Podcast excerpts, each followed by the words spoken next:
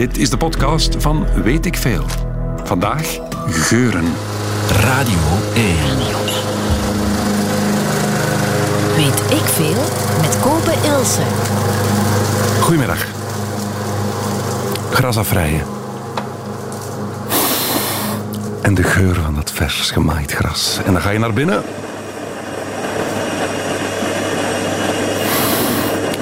Ah, De geur van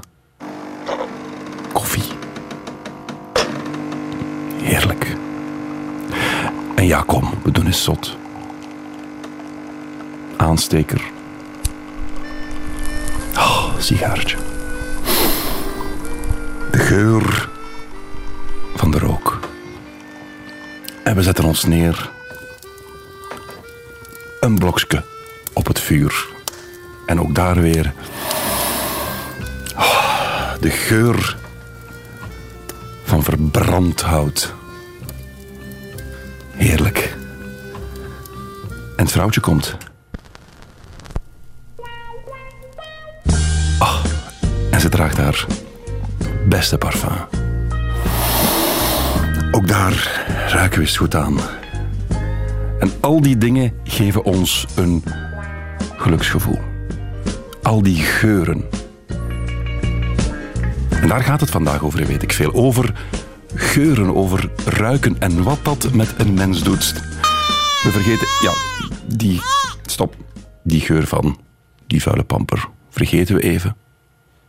Want we maken kennis met Rudy Dogen van de KU Leuven, professor. En nu moet ik even kijken, want het is iets dat ik nog niet kende. Biologische psychologie. Ja. Wat is dat precies? Wel, dat is eigenlijk de wetenschap die zich bezighoudt met de biologische basis van psychologie. Dus met andere woorden, de biologische basis van ons gedrag. Ja, dus de relatie tussen hersencontrole en gedrag en zulke dingen. En wat heeft dat met geuren te maken? Wel, eh, geuren, wel, eh, ja, heel veel ook. Eh, want we ruiken natuurlijk niet, ei- niet met onze neus. Hè. We ruiken, ruiken eigenlijk met onze hersenen. Wacht, nee. Het komt toch binnen langs de neus? Het kom, wel, de geurstoffen komen binnen langs de neus, maar het reageren op geuren, eh, herkennen van geuren, dus oh, welke emoties die bij ons teweeg brengen, Ja. dat gebeurt uiteraard met onze hersenen. Dus het allereerste begin is natuurlijk de geurstof binnenhalen, maar al de rest gebeurt natuurlijk in onze hersenen. Fascinerend. Onmiddellijk komt de geur van grootmoeders woonkamer terug bij mij. Als je het echt hebt over die geuren uit Ja. je jeugd. Bizar, hè? er is een soort geurenherinneringskamer. Want je weet exact hoe dat rook. Ja, ja, ja, geuren zijn ook meer dan andere zintuigen eh, heel erg gekoppeld aan, aan geheugen, aan eh, Ja. beelden in onze herinnering.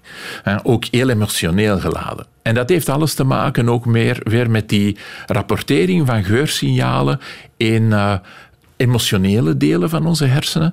En dus de heel dichte link tussen de geurperceptie, het waarnemen van geuren, en emoties. Hoe ruikt het hier in de studio? Wel, voor mij niet zo vertrouwd. dat ik pas op bezoek ben, maar dat is ook hè, voor u wellicht wel. Ja, ik, er hangt hier altijd een beetje weinig zuurstof. Omdat hier net drie uur lang twee mensen hebben, of drie mensen hebben gezeten. Ja, dus maar u, u herkent dan misschien ook de, de geur van uw collega's die. Eh, maar dit is ook zo. Er is inderdaad dus- een verschil ja. als een vrouw presenteert of een man. Dat is echt waar. Ja, dat heeft misschien te maken met de parfum, maar ook met, met de typische geur die we allemaal hebben. Hè? En ook de typische geur van uw huis, de geur van uw werkplaats, hè, in uw geval.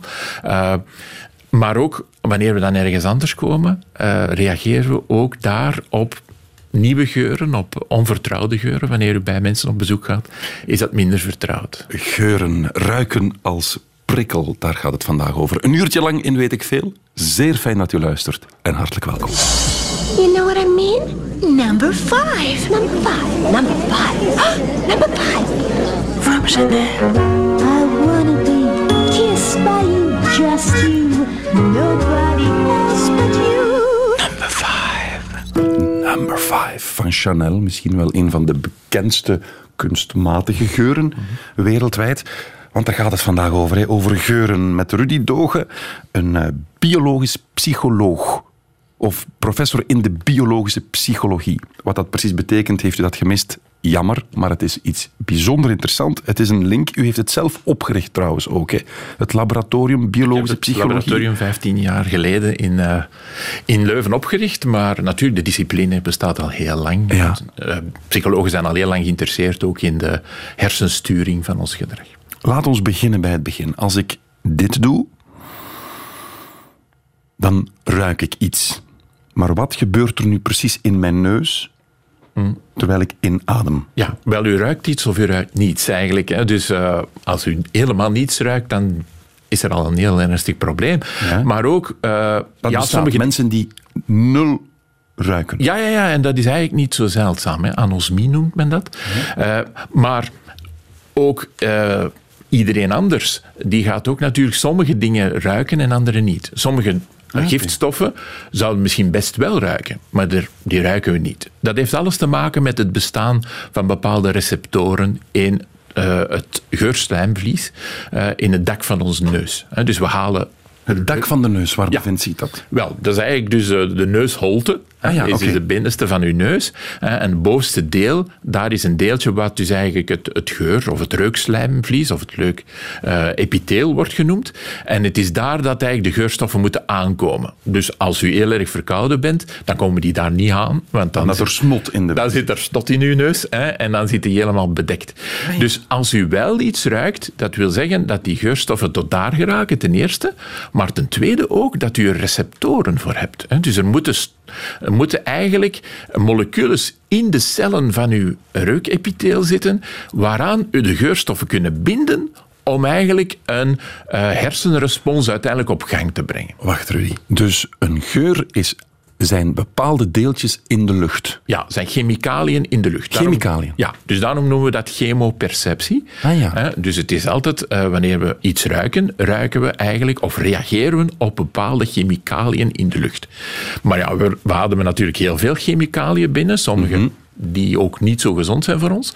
Eh, maar niet alles ruiken we dan, omdat alleen maar de chemicaliën die kunnen binden aan dus bepaalde receptoren in dat reukslijmvlies, eh, die kunnen we ruiken. Waarnemen. Ja, die kunnen we waarnemen.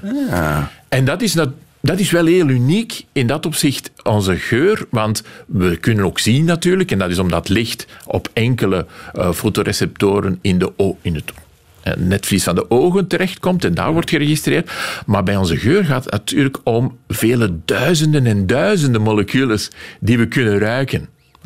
En we kunnen ook heel typisch zeggen, ja, dit ruikt hier naar bananen, dit ruikt hier naar noten, dit is eh, een taart die uit de oven komt, enzovoort. Ja, ja, Eh, dat zijn allemaal eh moleculen die we binnenademen en die zich moeten binden aan dat geurslijmvlies om uiteindelijk naar de hersenen te kunnen eh getransporteren. Dat was mijn volgende vraag. Zijn het de hersenen die dat dan interpreteren, de signalen die ze krijgen van die receptoren, of gebeurt dat al in de neus? Wel, het is daar dat eigenlijk het, het hersensignaal wordt gegenereerd. Dus die, die geurstof die gaat zich binden aan die cellen daar, hè, die in, in onze neus, neus. zitten. En het is daar dat eigenlijk een hersenimpuls eh, wordt gegenereerd. Vanaf dan heeft het niks meer te maken met, met die moleculen eigenlijk op zich, maar dan is het één signaal dat naar de hersenen wordt gestuurd. En dan beginnen we a- dan de verwerking. Dus de receptoren sturen een soort code naar de hersenen. Ja, dat klopt. En dus eigenlijk een soort van ruimtelijke code ook, want eh, de receptoren die op verschillende moleculen reageren, zitten ook verspreid over dat geurslijmvlies. Eh, die code wordt naar de hersenen gestuurd en op dat moment kunnen we pas beginnen met het herkennen van een geur of het reageren op een geur. Hè, Omdat onze hersenen dat signaal, dat op zich niks met die moleculen te maken heeft, moet beginnen ontcoderen. Maar ik neem aan dat het gaat over nanoseconden, of niet? Ja, ja Of natuurlijk. Ja. Ja, maar op zich is het ook wel trager, omdat eh, het binden van die geurstoffen eh, aan de cellen in onze neus, dat is, en dan het genereren van een, van een hersenimpuls, is eigenlijk een traag proces, of een relatief traag proces. Maar inderdaad, dat, dat duurt geen seconden aan een stuk natuurlijk, eh, maar dat, dat is naar de normen van de, van de zenuwtransmissie, eh, van het doorgeven van impulsen binnen ons hersenen, is dat relatief traag. Wat is de snelste zenuw dan? Pijn? Nee, pijn duurt ook lang, hè? Eh, Sommige vormen van pijn duren lang. Hè. De scherpe pijn is heel snel. Hè. En dan spreken we over ja, 100 meter per seconde bijvoorbeeld. 100 meter per seconde. Ja, dat is de transmissie doorheen onze zenuwuitlopers. Ah ja. En dus bij de, bij de geur is dat ook relatief snel, omdat onze hersenen eigenlijk net boven onze neus zitten. Dus ver moet dat signaal niet gaan. Dus het gaat wel snel natuurlijk, hè, laat ons duidelijk zijn. Ja, ja. Maar het genereren van, de, van het geursignaal is tamelijk traag. En ook het dooft snel uit. Want dat is ook iets dat u al hebt waargenomen natuurlijk. Wanneer u ergens binnenkomt, er hangt daar een geur. U reageert daar in het begin op. Na maar vijf minuten ben je dat vergeten. ja, je bent het misschien niet vergeten, maar je... Reageert je- er niet meer op. Nee, precies. Hè? Maar dus mijn eigen huisgeur komt nog wel binnen op dezelfde manier als die bij jou zou binnenkomen, mocht je bij mij thuiskomen. Ja. Maar mijn hersenen gaan daar gewoon niet meer op reageren. Ja, wel, ze gaan er wellicht wel op reageren, omdat ze u een gevoel geven van vertrouwdheid, van binnenkomen in uw eigen huis. En dus dat is eigenlijk ook het fascinerende aan geur, dat het eh, een, een zintuig is daar waar we vaak weinig aandacht aan besteden, maar toch een heel belangrijke psychologische rol speelt. Hè. Dus we komen inderdaad in ons huis. We ruiken al die, dus al die chemicaliën van ons huis komen onze neus binnen, wordt gerapporteerd aan onze hersenen en we gaan toch een emotie krijgen, alhoewel we misschien niet bewust zeggen, ah, het ruikt naar mijn huis.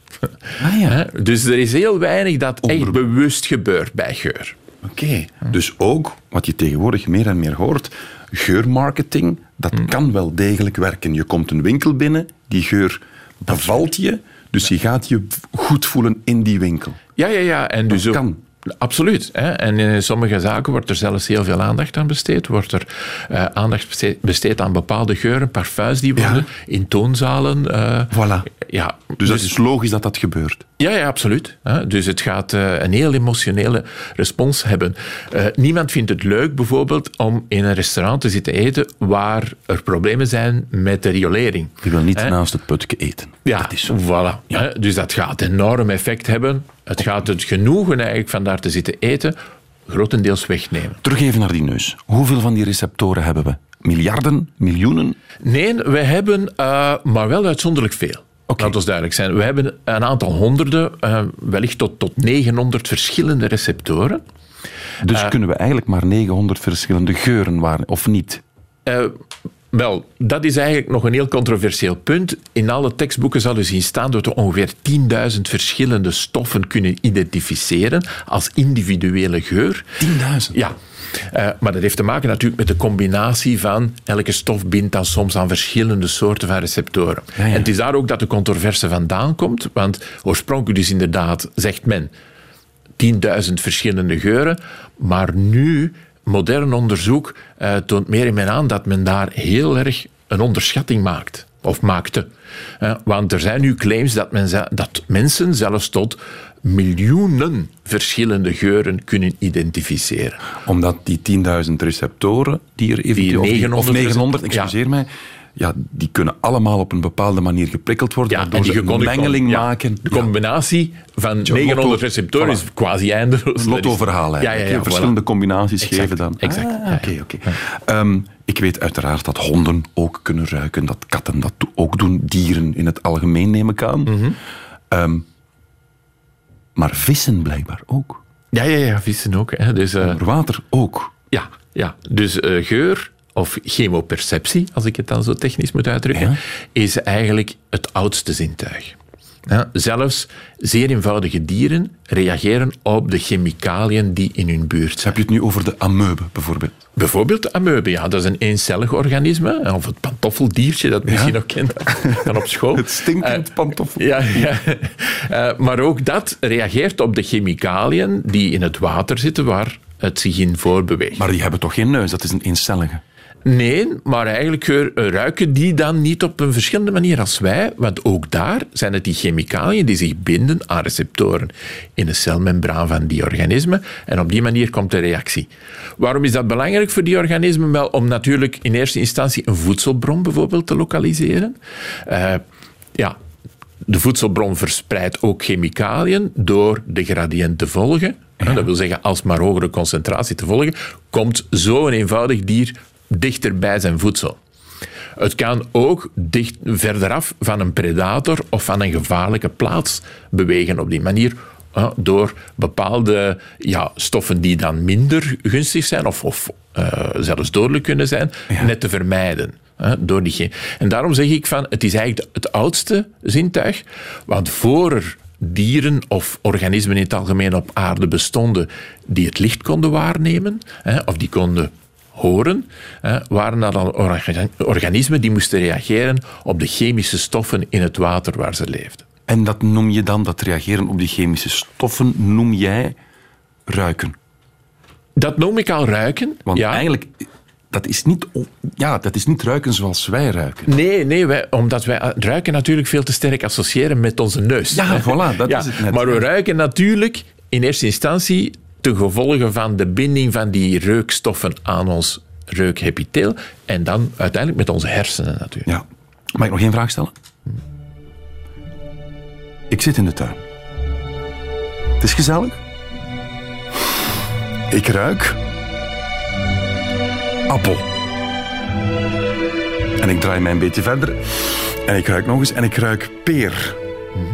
Wat is nu, wat maakt nu de ene geur appel en geur peer?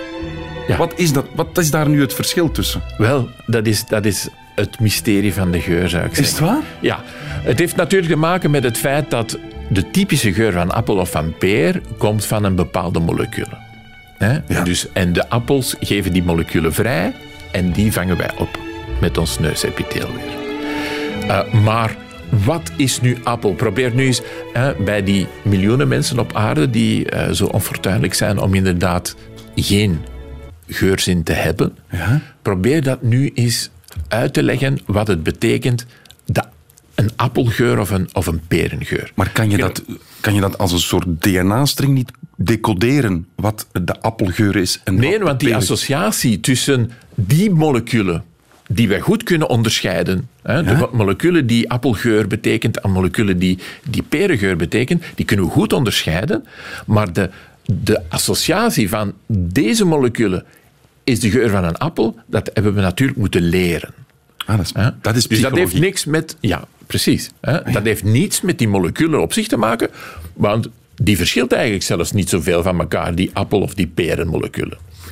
Maar dat het dat betekent, dat het die vrucht betekent en dat we dan misschien liever appels dan peren eten, dat is natuurlijk al die dingen die we moeten leren, die ons eh, soms bewust worden aangeleerd op school, van dit is een appel, dit is een peer, maar ook eh, ja, de blootstelling aan appels eten. Hè? Appels eten in, in aangename omstandigheden. Soms een rotte appel, die ons voor altijd eh, appels laat, Ja, laat, ja, ja, ja, ja, ja, ja, ja, eh, absoluut. mijden. Wel, dat zijn allemaal dingen die we moeten leren, die we associëren enzovoort. Mag ik nog een snelle vraag voorleggen? Vraag van Marie-Jeanne in de app. Heeft de vorm van de neus bij dier en mens invloed op wat we ruiken? Ja, zeker en vast wel. Dus een, iemand met een grote neus zou beter ruiken dan klein. Niet noodzakelijk, eh, maar de, de vorm van onze neus bepaalt natuurlijk wel hoeveel eh, geur we kunnen binnenhalen, hoeveel lucht we kunnen binnenhalen. Eh, het tweede belangrijk is natuurlijk hoe groot is dat geurepitheel. Hè? bij, bij de mens is dat enkele vierkante centimeter. Bij een hond is dat al tien keer groter. Daarom kan een hond meer of sneller geur opvangen, maar die, die ruikt op zich niet beter, want dat is een misverstand natuurlijk. Een hond ruikt niet beter dan wij. Ik wil zeggen, die onderscheidt niet meer geuren dan wij, maar die heeft minder nodig Om iets te ruiken. om iets te ruiken. En dat heeft alles te maken met de grootte van zijn geurepitheel, dat aanzienlijk groter is dan dat van ons. Dus in dat opzicht is de vraag ja, de vorm, de algemene vorm van de neus bepaalt wel de reukprestatie van een dier of een mens. U heeft een mooie neus. Dank u wel, u ook. Dank u. Weet ik veel? Een mengeling van rotte vis en, en kattenpis. Zo, ja. Niet echt een aanrader qua parfum. In de natuur is de reuzenaronskelk tot 800 meter ver te ruiken. Zo trekt hij de zweetbijen aan die de bloemetjes onderaan de kelk bevruchten. In de plantentuin zijn het voorlopig alleen de vliegen en de mensen die de adem inhouden. Ja, in de plantentuin is er zo'n plant die om de zoveel tijd bloeit. En dan komt daar een verschrikkelijke geur uit, op een of andere manier. En daar gaat het vandaag over, over het effect van geuren op ons, maar ook op dieren. Want bij mij in de studio Rudy Dogen van de KU Leuven. Hij is, of hij leidt het laboratorium biologische psychologie. Want die link kunnen we niet ontkennen. We hebben daarnet gepraat over geuren, receptoren, hersenactiviteit. Maar je kan niet over geuren praten en dan niet de link leggen met wat voelen we daarbij. Dat is een ongelooflijk sterke relatie tussen die twee. Hè? Absoluut. Ja, dus veel meer dan, eh, dan andere zintuigen. Ja, Eigenlijk. er zit de connectie tussen het waarnemen van geuren en emoties eh, veel directer. Dat heeft alles te maken ook weer met de hersenen. Geuren komen ten eerste rechtstreeks, of de geursignalen, de geuren niet natuurlijk. Ja. De geursignalen komen rechtstreeks in de hogere regio's van onze hersenen binnen, terwijl dat bijvoorbeeld via onze, ons zicht gaat dat een aantal schakelstations passeren. Geur is op die manier heel direct. Hè, en het, is ook, het, het komt ook binnen in een regio die heel dicht bij ons emotiecentrum zit. hè. Vandaar de ook, hè, dat is waarschijnlijk de meest waarschijnlijke verklaring waarom die geuren eh, zo sterk zijn in emoties opwekken. Het valt mij op, beste Rudy, we zijn eh, een 30 minuten aan het praten met elkaar over geuren. En je hebt al een paar keer gezegd, we vermoeden dat. Het zou kunnen dat. Dat is nog een raadsel. Ja. Bizar.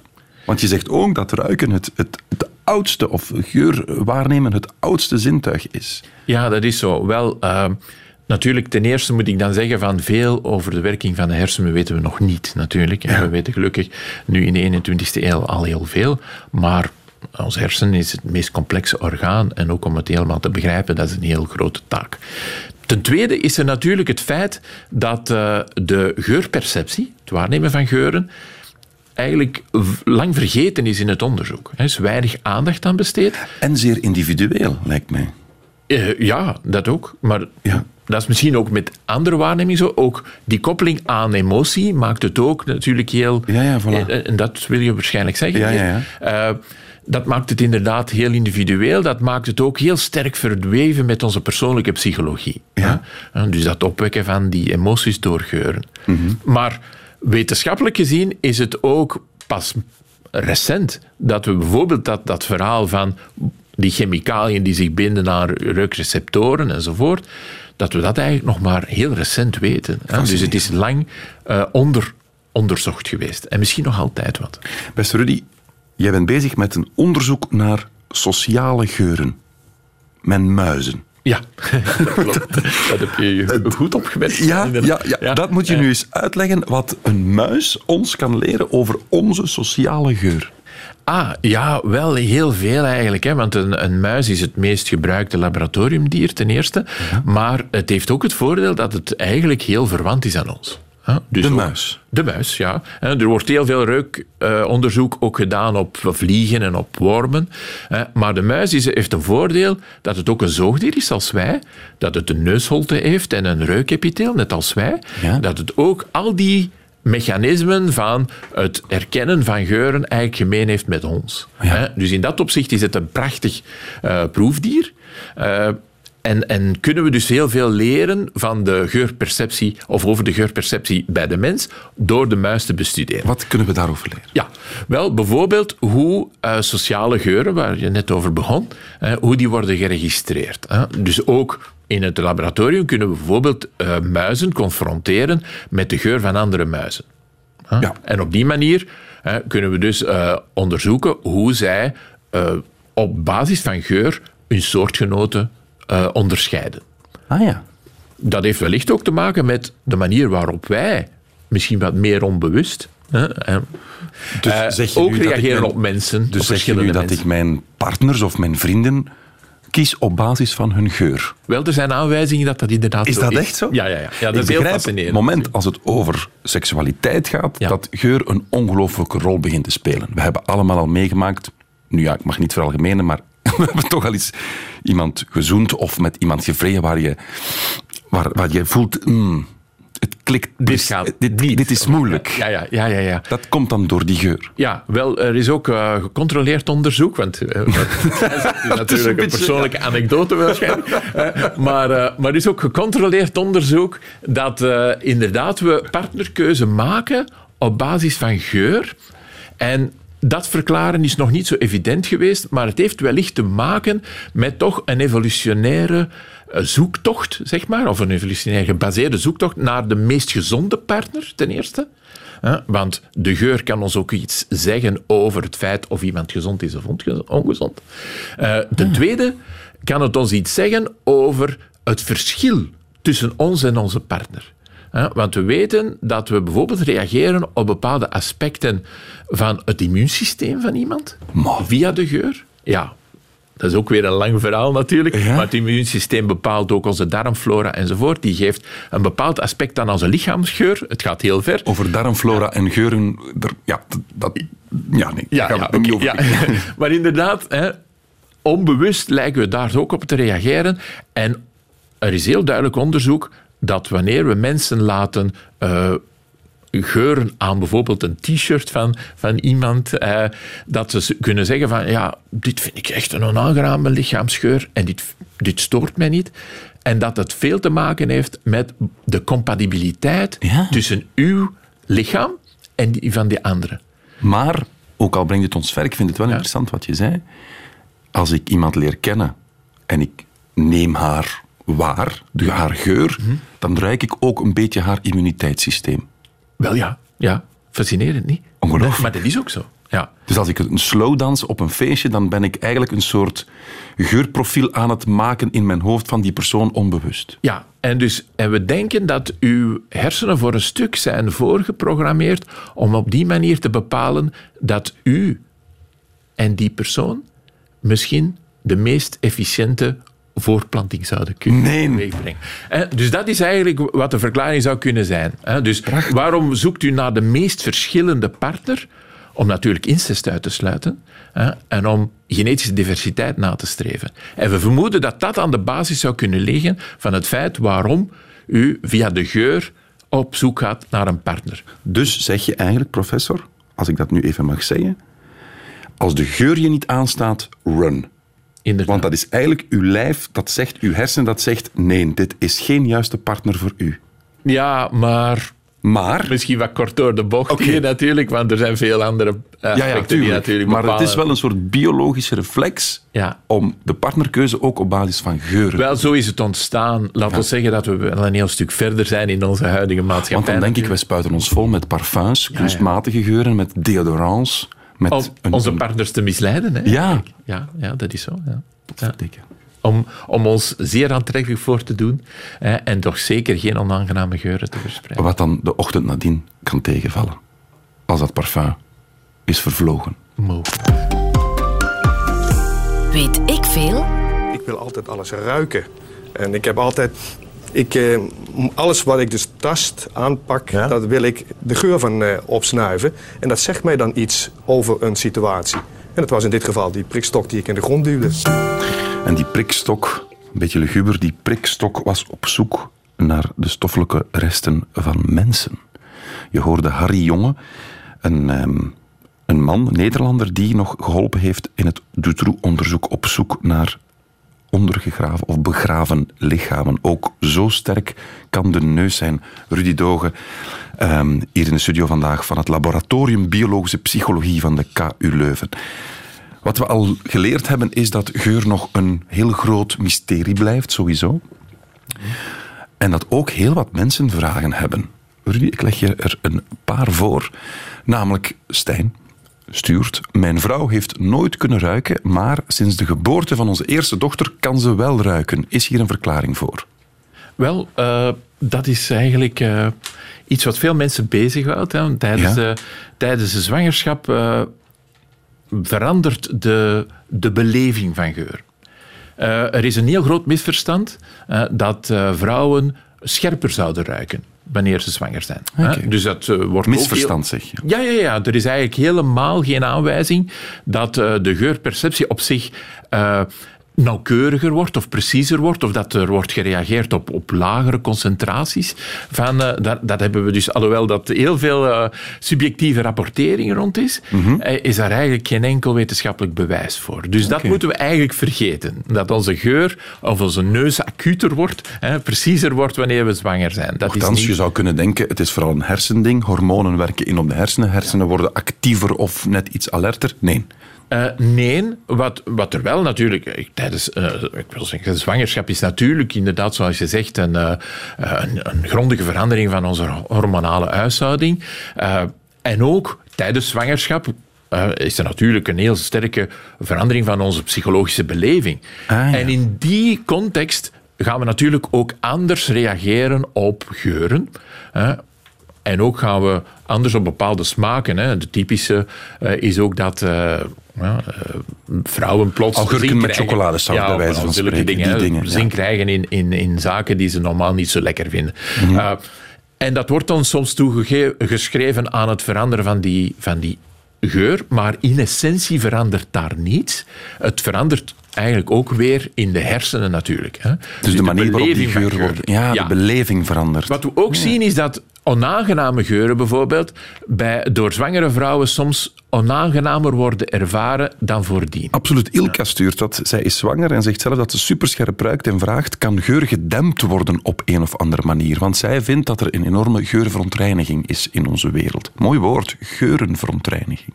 Ja, wel. Kunnen we het dempen? We kunnen eh hoogstens eh, watjes in onze neusgaten steken, natuurlijk. Ja. Eh, eh, maar op zich ja, gaan we altijd eh, blootgesteld worden aan die chemicaliën in de lucht. Eh, ook daar weer hoor ik dat ze zegt van ik ruik veel scherper. Hè, dus ik moet daar, daar weer tegen spreken. Ze ruikt in essentie niet scherper, maar ze reageert anders op geuren. Dat is toch voor een psycholoog wel een belangrijk Een onderscheid. belangrijke Ja. nuance. En dan nog je aan op Twitter. Ik heb dagen dat ik niks ruik. Is dat hormonaal? Andere dagen ruik ik superscherp.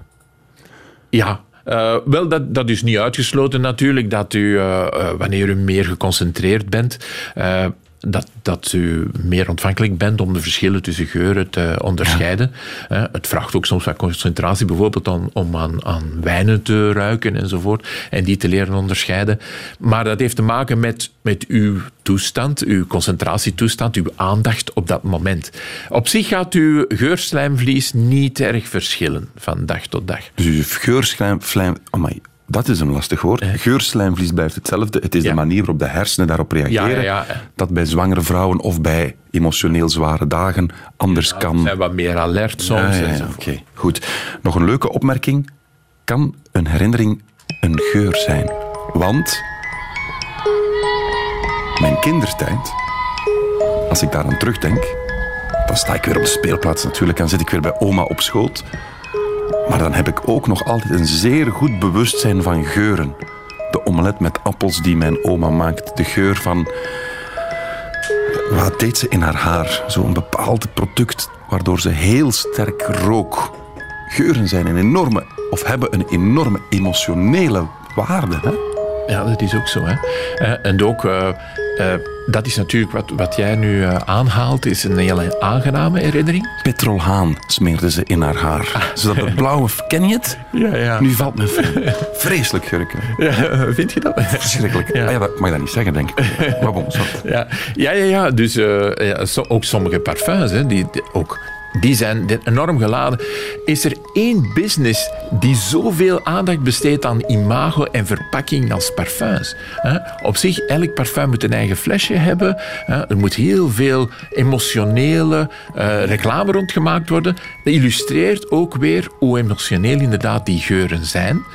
En hoe sterk eigenlijk eh, het feit of we bepaalde geuren aangenaam of minder aangenaam vinden, verbonden zijn met onze persoonlijkheid, onze persoonlijke voorgeschiedenis en onze emotionele beleving in het algemeen. Van waar komt dat? Waarom wordt die, geur zo hard opgeslagen in onze hersenen? Is dat een soort waarschuwing, zoals in de oudheid, van bij die geur, pas op? Ja, wel, ik eh, denk dat er, dat er verschillende verklaringen daar eh, moeten meegenomen worden. Ten eerste, wat we al gezegd hebben, dat dus eigenlijk het rapporteren van die geursignalen gebeurt in een deel van, een, van de hersenen dat heel sterk gekoppeld is ten eerste aan emoties, maar ook aan de opslag van ons geheugen. Ja. Dus het gebeurt in de temporale kwabben van onze hersenen. En dat zijn ook de kwabben die bijvoorbeeld eh, een belangrijke rol spelen in geheugen. Dus dat is een eerste verklaring. De tweede heeft de verklaring ook te maken met het evolutionaire oud zijn van die geur. Eh, Het is dus eigenlijk een, een zintuig dat we over de miljoenen jaren eigenlijk al meedragen, als het ware. En dat op die manier een heel fundamentele functie heeft in ons hersenen. Het zit dus heel diep geworteld in onze biologie. Misschien heel, veel meer dan, alhoewel we heel visuele wezens zijn, veel meer dan, eh, dan de visus. Eh, Daarom ook, ja, we kijken natuurlijk na- meestal naar dingen, maar een groot gemis voor bijvoorbeeld kookprogramma's of kookboeken Ja. is dat er geen geur bij is. Hè. Niemand zit echt... Je kan wel kijken naar een kookprogramma en zeggen van ja, oh, dat ziet er lekker uit en dat ga ik eens proberen. Maar zit je echt te watertanden voor de televisie, dan mis je toch eigenlijk een heel essentieel element en dat is de geur. En als je verkouden bent en je kan amper ruiken, dan smaakt je eten ook niet. hè? Nee, en dan mag het ook er zo mooi uitzien als maar wil. Je kan er toch onvoldoende van genieten als die geur er niet bij is. Ik lees dat soldaten die een, trauma, een traumatische situatie in een oorlog hebben meegemaakt, dat die door bepaalde geuren echt dat trauma opnieuw kunnen beleven. Dus dat is, een geur kan zo sterk zijn dat je hersenen terug tilt slaan, bij wijze van spreken. Precies.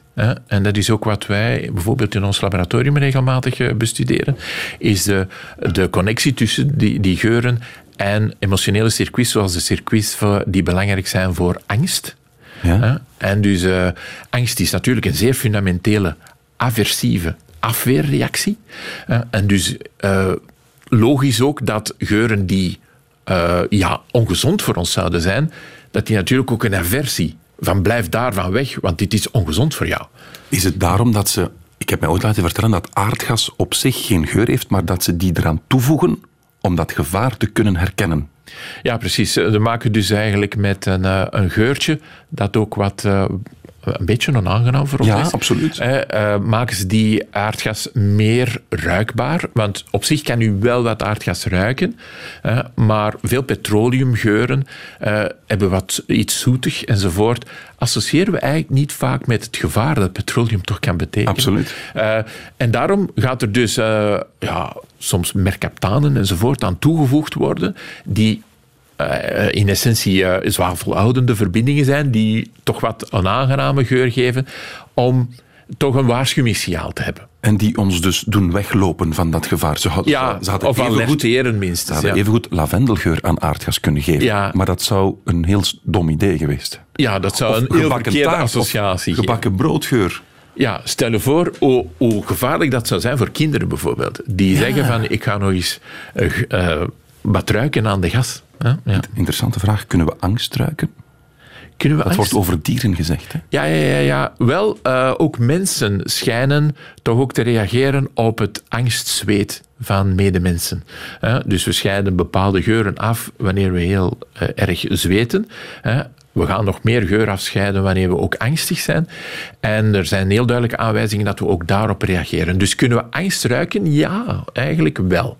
Oké. En kunnen we zieke mensen ruiken? Jazeker. Hè? Dus we gaan eh, bij bepaalde aandoeningen eh, gaan we een specifieke geur verspreiden. Eh, we, we ruiken dat. Ook ja, een slechte adem ruikt mee- betekent niet altijd natuurlijk dat we heel ongezond zijn, maar kan bijvoorbeeld wel wijzen op een probleem met ons gebit bijvoorbeeld. Wat ook al een situatie is van infectie die we best biologisch gezien nu Ja, ja, hè, ja. vermijden. Dus zou het evolutionair kunnen, kunnen verklaard worden dat een slechte adem eigenlijk een signaal is naar anderen van blijf bij mij weg, ik ben of ik heb een medisch probleem? Zou dat kunnen gelinkt worden daaraan of ben ik het nu te ver aan? Wel, ik zie het eigenlijk meer als een, eh, een signaal voor de. eh, want, want jij zegt van sturen we een bericht uit Ja. naar anderen van blijf bij ons weg. Ja, dat is wel een interessant gegeven. Ik zou het eerder omkeren. We registreren de slechte geur van anderen om er van weg te blijven. Ah, ja. Gaan we ook als zender... Ja, dat is eigenlijk ook wel interessant natuurlijk, want het heeft bijvoorbeeld naar onze familieleden toe ook nut om te signaleren van... Pas ik op. ben eigenlijk... Ja, pas op, want ik ben eigenlijk eh mogelijk besmettelijk. Hè? Nu Maar over- daar is eigenlijk heel weinig over gekend. Hoor. Nu we toch over die... eh, we zouden eigenlijk nog een plaat moeten draaien, maar we gaan het vergeten, want het is gewoon te interessant. Nu we toch over die lijfgeur en ademgeur bezig zijn, waarom ruik ik zelf niet dat ik stink? Of waarom ruik ik zelf mijn slechte adem niet? Ja, omdat we er gewoon aan gewend zijn natuurlijk. Hè. Dus dat is ook weer het verhaal van, je, je ruikt iets eventjes. Hè. Dat, wijnkenners kennen dat heel goed. Ja. De eerste snuf is het belangrijkste. Hè. En dan gaat je, je geursysteem heel snel adapteren. Je ruikt het niet meer. Wanneer je natuurlijk zelf een geur bes- eh, verspreidt, ja, uiteraard gaat je geursysteem daar niet meer op reageren. Maar dat is toch niet slim van ons lichaam om dat te negeren, die geur? Want het kan blijkbaar een teken zijn dat er iets mis is. Ja, maar stel je voor dat je continu zou blijven reageren op een bepaalde Op je, prikkel. zij- op je eigen geur. Het zou, het, zou je, ja, het zou je aandacht ook weghalen telkens van de dingen die belangrijk zijn. Ja, Dus maar die... die, die Het zou niet adaptief zijn, denk ik. Nee, dat is waar. Zou je zover kunnen gaan? Ik heb al gehoord dat sommige honden kanker zouden kunnen opsporen puur door aan mensen te ruiken. Zijn mensen daar ook toe in staat? Ja, dus in essentie eh, kunnen honden dan het veel, veel sneller oppikken, maar in, in essentie kunnen wij dezelfde geuren waarnemen als een hond. Dus een, een dokter zou in principe puur door te ruiken aan iemand ook al een diagnose kunnen stellen. Ja, was ook altijd eh, deel van de geneeskunde. Hè? Dus in de, in de oudheid, eh, dus bij de eerste chirurgijnen enzovoort, die, die, ruik, ja, die, die roken ook aan, aan hun patiënt. Die roken aan de urine, die roken aan de uitwerpselen, eh, die roken aan het bloed om eh, diagnoses te maken. En dat doen we natuurlijk nu niet meer, omdat we meer gesofisticeerde apparatuur hebben. We hebben het net ook Eh, gehad over de link tussen kan. geuren en walging. Nu u dat zegt, Ja, het ja. gebeurt hoor. Ja, ja, ja, ik geloof het. ruiken aan urine en zo. Mocht u aan tafel zitten, smakelijk trouwens. We gaan ons klein examen doen, want het zit er weer bijna op. Jammer genoeg, beste Rudy Dogen van de KU Leuven. Je hebt gisteren nog mondelinge examens gedaan, zei je net. Hè? Ja, precies. Dus je bent helemaal in vorm. hè? Absoluut. Oké, laat me komen. De eerste vraag is... wat- Doe maar hoor. Ja, de eerste vraag is hoeveel geurreceptoren heeft de mens? Waren dat er geen 900? Ja, dat klopt. Ja. Alsjeblieft. Ja. Ja. De tweede vraag is, waarom roepen geuren emotionele reacties op? Omdat het vooral de hersenen zijn die eh, die geur waarnemen en die linken in de frontale kwap of zoiets. Met, ja, nee, ik ben aan, ben aan het lullen. Nee, nee, nee. Sorry. Zeg, je heel snel de oplossing? Wel, eh, omwille van het feit dat dus die geursignalen eh, binnenkomen in de hersenen in regio's die te maken hebben met, eh, met emotie. Nog een vraagje. Wat is anosmie? Goh, wat was dat ook weer? Eh, het vergeten van eh, het antwoord op de juiste vraag? Eh, verkeerd antwoord. Oh. Wat was het ook al? Anosmie is dus eigenlijk geurblind zijn. hè. Ah, ja, dus juist. eigenlijk niets kunnen ruiken. Ja, ik heb maar één op drie en de tijd is beperkt om mijn score te verbeteren. Dus ik vrees dat ik met een dikke buis afscheid moet nemen van uw beste Rudy Dogen van het Laboratorium Biologische Psychologie. Zeer interessant en hartelijk bedankt. Radio 1. Weet ik veel? Dit is het einde van deze podcast van Weet ik Veel. Weet ik Veel is trouwens een programma van Radio 1. Op radio1.be vindt u nog veel meer.